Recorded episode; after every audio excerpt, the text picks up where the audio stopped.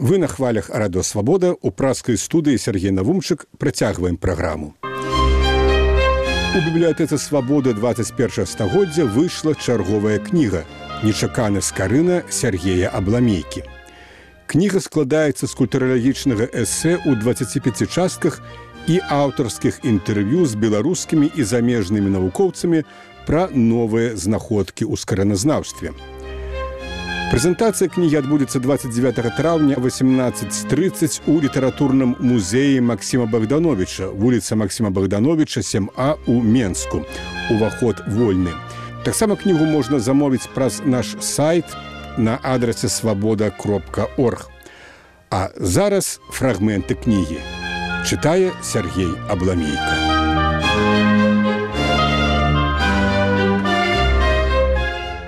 А зараз пра тое, да якой царквы мог належаць скарына.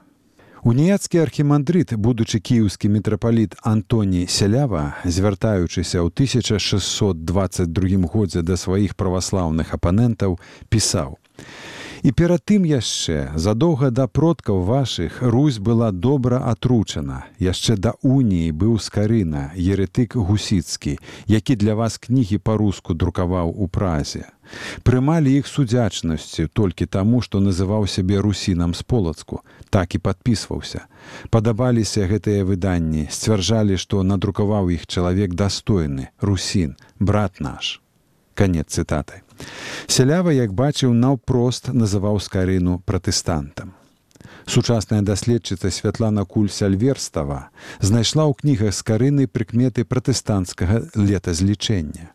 Яна заўважыла, што скарына пры датаванні сваіх кніг не згадваў пра рэлігійныя святы і прысвяткі, што было тады характэрна для каталіцкіх і праваслаўных тэкстаў. На думку куль сальверставай гэта з'ява рэнесансу, блізкая да прынцыпаў рэфармацыйнага руху.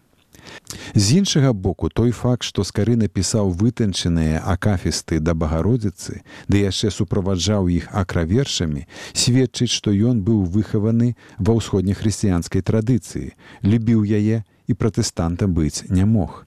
Акафісты гэта асаблівая форма праваслаўнага, а пазней і уніяцкага набажэнства, якая нарадзілася ў бізантыі. Антоній сялява сцвярджаў, што кнігі з карыны прызначаліся для праваслаўных. Тым часам вядома, што праваслаўная царква маскоўскага княства, як і праваслаўная царква вялікага княства літоўска кніг з карыны не прыняла. Некаторыя даследчыкі, спасылаючыся на імя скарыны, сцвярджаюць, што ён быў лацінскім католікам. Прафесор Неміроўскі яшчэ 30 гадоў таму паказаў, што ў канцы 15 пачатку 16 стагоддзяў падзелу на каталіцкія і праваслаўныя імёны ў вялікім княстве літоўскім не існавала. Скарыну доўгі час стараліся аправаславіць і называлі яго георгіем. Гэта была палітыка абернутая ў мінулае. Яе адэпты не ведалі, што ў часы скарыны і католікаў называлі георгіямі.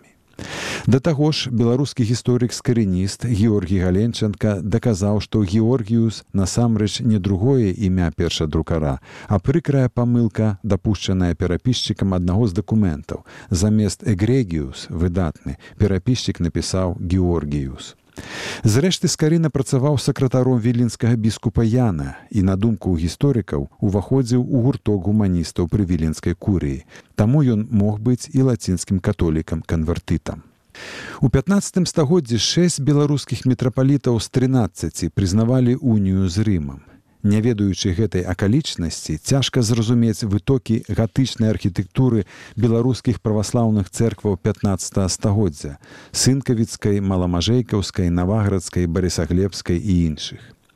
Якраз пры апошнім метрапаліце уніяце 15 стагоддзя Іосифе першым балгарыновічы і гадаваўся ў полацку францішак скарына.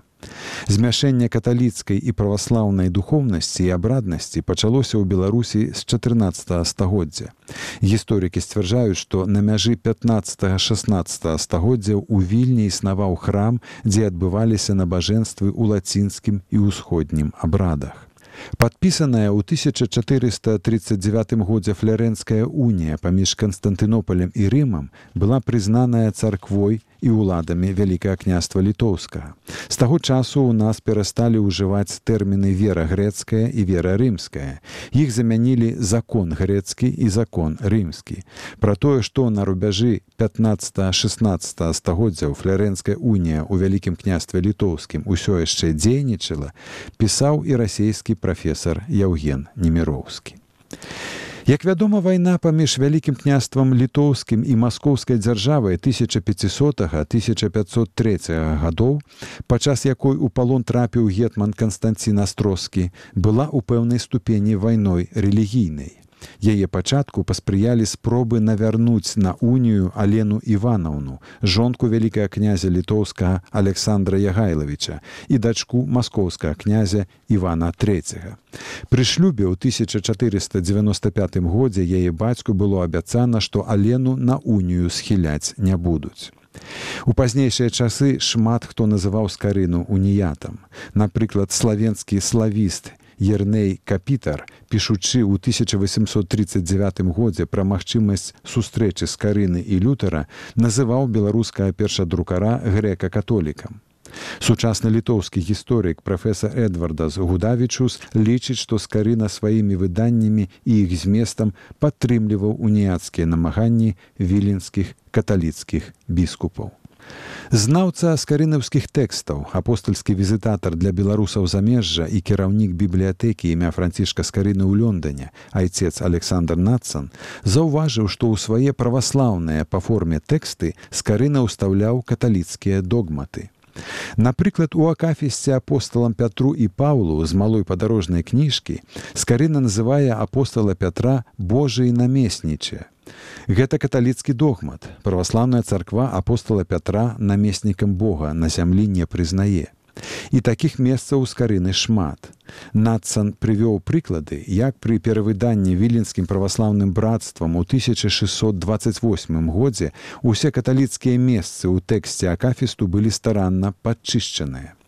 Сёння мы б назвалі яго уніятам, пісаў айцец Александр Нацсан. Тым не менш факт застаецца фактам. Свае выданні скарына прызначаў для людзей паспалітых грэцкага закону, якія ў часы кіравання мітрапаліта Іосифа Солтана 1507-1522 і яго наступнікаў пра флярэнскую унію 1439 году паступова пачыналі ўжо забываць. Не выключана, што менавіта прахалоднае стаўленне да кніг скарыны стала прычынай канчатковага ад'езду першадрукара за мяжу. Зрэшты, у якую б царкву ён не хадзіў, сёння скарына належыць усім беларусам.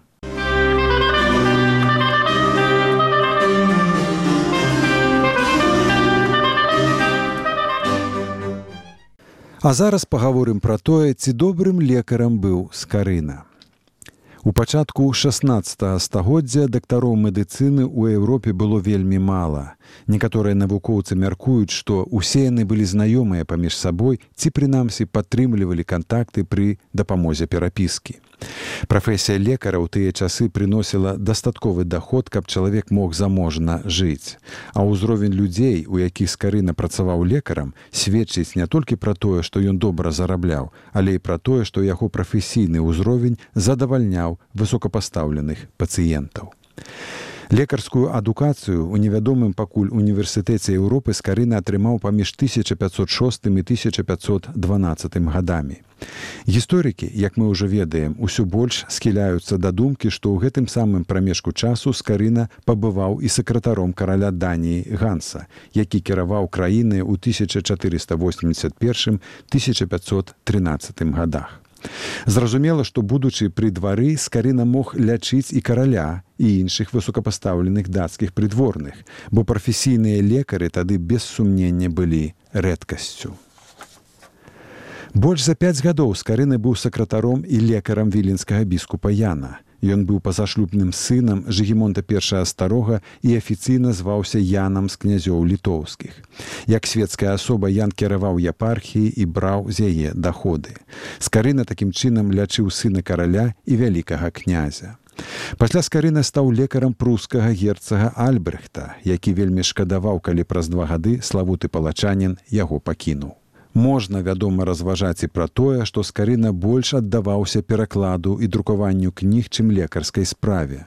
Ускосна пра гэта сведчыць і ліст, напісаны прускім герцакам Альбрехтам 26 траўня 1530 году віленскаму ваяводу Гаштольду, у якім Альбрехт скардзіўся, што пры ад'ездзе з каралеўца скарына забраў сабой і мясцовага друкара. З гэта вынікае, што асветнік збіраўся далей выдаваць кнігі, але зусім не вынікае, што ён менш увагі надаваў лекарскай справе. Пры гэтым трэба разумець, што ў тыя часы непасрэдным лячэннем людзей займаліся чараўнікі, траўнікі, знахаркі, цырульнікі, аптэкары, манахі, кавалі і нават гарадскія каты. Пры дварах каралёў і арыстакратаў была невялікая колькасць дыпламаваных лекараў. Дактары медыцыны практыкавалі наогул рэдка. Гэта была эліта навуковага свету, своеасаблівая арыстакратыя. Доктарская ступень давала яе ўладальніку пропуску найвышэйшыя сферы грамадства. Дактары медычных навук пераважна займаліся абмеркаваннем тэарэтычных праблем медыцыны і філазофіі. Але былі сярод іх і тыя, хто сапраўды лячыў людзей. Такім практыкуючым лекарам быў ужо згаданы раней віцэ-прыёр медычнай калегіі падуанскага універсітэту доктар свабодных навук і медыцыны Тадэо Мусаці, які прадстаўляў скарыну сваім калегам у падуі і, магчыма, стаў прыкладам для маладога беларуса. З усяго нам вядомага пра скарыну можна зрабіць выснову, што ён быў добрым лекарам і патрыётам сваёй прафесіі. Ён перадаў яе свайму сыну семяону, які практыкаваў у другой палове 16 стагоддзя ў Чэхіі. Таксама нельга не звярнуць увагі на той факт, што скарына ганарыўся сваёй прафесіяй і навуковай ступенню доктара медыцыны. Усюды, дзе мог, ён падпісваўся не толькі сваім імем і прозвішчам, але і тытулам в лекарскіх навуках доктара доктар, хаця быў і доктарам свабодных навук.